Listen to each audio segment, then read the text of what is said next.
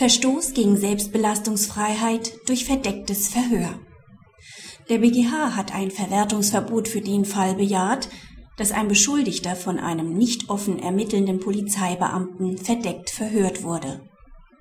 Ein Mithäftling hatte dem inhaftierten Angeklagten angeboten, dessen Frau durch Mitglieder einer Rockerbande umbringen zu lassen.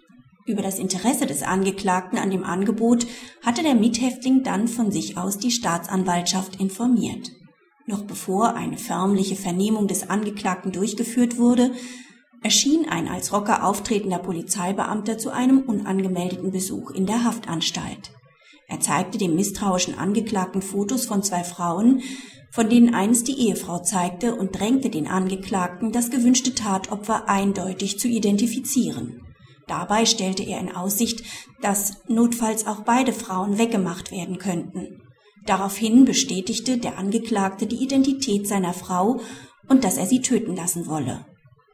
Der BGH sah in dem verdeckten Verhör durch den als mutmaßlichen Auftragskiller auftretenden Polizeibeamten einen Verstoß gegen den Grundsatz der Selbstbelastungsfreiheit, der ein Beweisverwertungsverbot zur Folge haben müsse.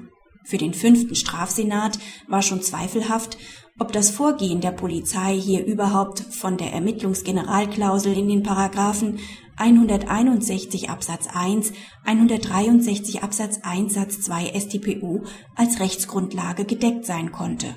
Jedenfalls sei der Angeklagte aber einem unzulässigen Aussagezwang ausgesetzt worden. Dieser bestand darin, dass der verdeckt ermittelnde Polizist hier dem Angeklagten suggeriert hatte, notfalls würden beide Frauen getötet, wenn er nicht seine Ehefrau identifizierte. Dieser Verstoß gegen die Selbstbelastungsfreiheit musste laut BGH zu einem Verwertungsverbot führen. Praxishinweis.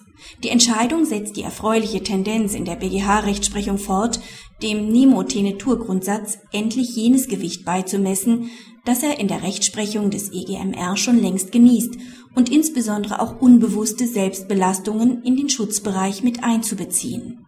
Beachtung verdient dabei die ausdrückliche Klarstellung des BGH, dass ein verdeckter Ermittler selbstbelastende Äußerungen des Beschuldigten zwar entgegennehmen, er sie ihm aber nicht durch eigenes Drängen entlocken darf